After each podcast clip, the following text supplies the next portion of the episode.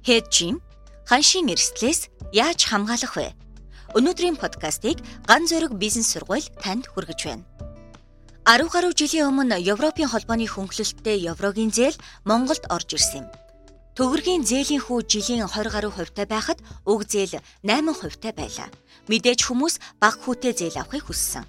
Харин зээл авсан хүмүүс дараа нь том алдагдалд орсон юм. Учир нь евро болон долларын ханшууд хоёулаа өсч зээлийн хүн үндсэндээ жилийн 50% болсон хэрэг. Тухайн үед доллар ойролцоогоор 10 орчим хувиар харин евро 40 орчим хувиар өссөн.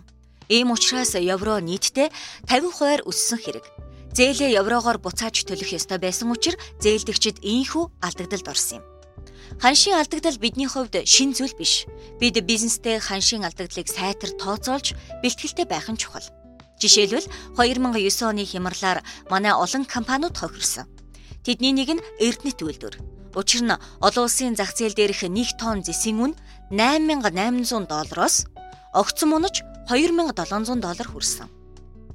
Нийтэд ил байгаа мэдээлэлдээр үндэслэн тооцоо хийж үзэхэд Эрдэнэт 2008 онд 1 тонн зэсээ дунджаар 6059 доллараар зарж байсан бол 2009 онд 4525 доллараар зарсан байна. Өөрөөр хэлбэл Эрдэнэтийн борлуулалтын орлого 25 хувиар буурсан гэсэн үг. 2007-оос 2008 онд нефтийн ханш 100 доллар давхад бид ямар төвөгтэй байдалд орж байлаа? Бүр нефтийн ханш хамгийн өндөр түвшин дээрээ байхад нь нөөц бүрдүүлэх хөдөлгөөн өрнөсөн шүү дээ.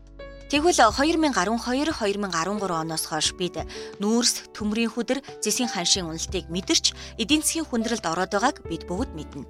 Энэ гайхал валютын зэсийн, алтны, нүүрсний, төмрийн хүдрийн ханшийн уналт нефтийн ханшийн өсөлтөөс хамгаалах арга чарга байна уу?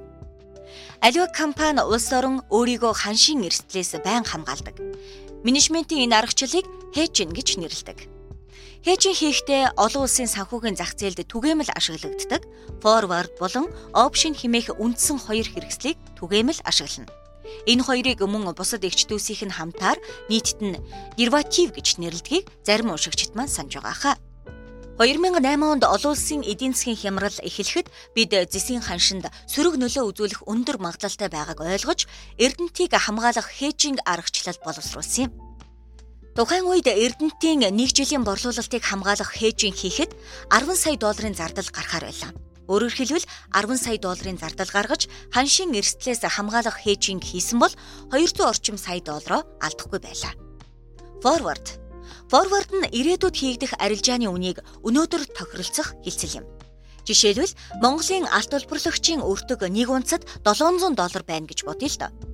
Тэгвэл олон улсын зах зээл дээрх алтны ханш 1 унцад 1200 доллар байгаа нөхцөлд алт улборлагчид хангалттай ашигтай байна. Гэтэл өнөөдөр банкнаас зээл аваад алтаа улборлоод 3 сарын дараа ирэхэд ханш энэ түвшин дээрээ байх уу? Хэрвээ 3 сарын дараа алтны ханш унаж 650 доллар болвол яах вэ? Алчийг савладаг металлын хувьд боломжгүй зүйл биш юм. Энэ тохиолдолд алт олборлогч өнөөдөр форвард хэлцэл хийж 3 сарын дараа бэлэн болох алтаа 1200 доллараар зарах арилжаа хийж болно. Одоо ханшинд санаа зовох шаардлагагүйгээр алтаа сайн олборлоход л болно.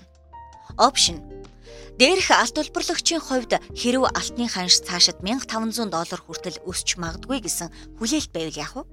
Хэрв 3 сарын дараа алтны ханш 1500 доллар болсон бол форвард хэлцэл хийсэн алт улбарлагч алтаа 1200 доллараар зархаас өөр аргагүй болно. Учир нь форвард хэлцэл хийсэн л бол заавал биелүүлэх үүрэгтэй. Тэгэхээр форвард нь нэг талдаа ханшийн уналтаас маш сайн хамгаалах хэрэгсэл боловч ханш өсөх үед харамсалтай нөхцөл байдал үүсдэг. Энэ тохиолдолд алт улбарлагч маань опшн арилжааг ашиглана. Опшн хилцэл хийснээр алт улбарлагч алтаа 1200 доллар дээр зарах эрхтэй болно. Харин форвардчиг үүрэг хүлээхгүй. Тэгэхээр хэрв алтны ханш 3 сарын дараа 900 доллар хүртэл унсан байвал опшн хилцлийн дагуу алтаа 1200 дээр зарна. Хэрв алтны ханш 1500 доллар болж өссөн байвал алт улбарлагч опшн эрхээсээ татгалзаж алтаа 1500 дээр зарах боломжтой болно. Forward option болон бусад агсан шатны дериватив хэрэгслүүдийг ашиглан компаниуд улс орнууд өөрсдийгөө ханшийн эрсдлээс хамгаалах бүрэн боломжтой. Жишээ нь хэрэг нефтийн үн өсөх эрсдэлтэй байгаа бол манай Miat компани онгоцны түлшийн үнийн өсөлтөөс хамгаалах хежинг хийх хэрэгтэй. Эсвэл нефтийн үн одоогийн шиг түүхэн доод түвшиндөө байгаа энэ ашигтай үед нь түгжээд авах хэрэгтэй. Та бүхэн хээжингийн талаар илүү дэлгэрэнгүй мэдээлэл авахыг хүсвэл илүү нарийн бичиж болно. Ган зөрөг бизнес сургуультай танилцахыг хүсвэл Ган зөрөг цэгийн маань вебсайт руу зочлоорой.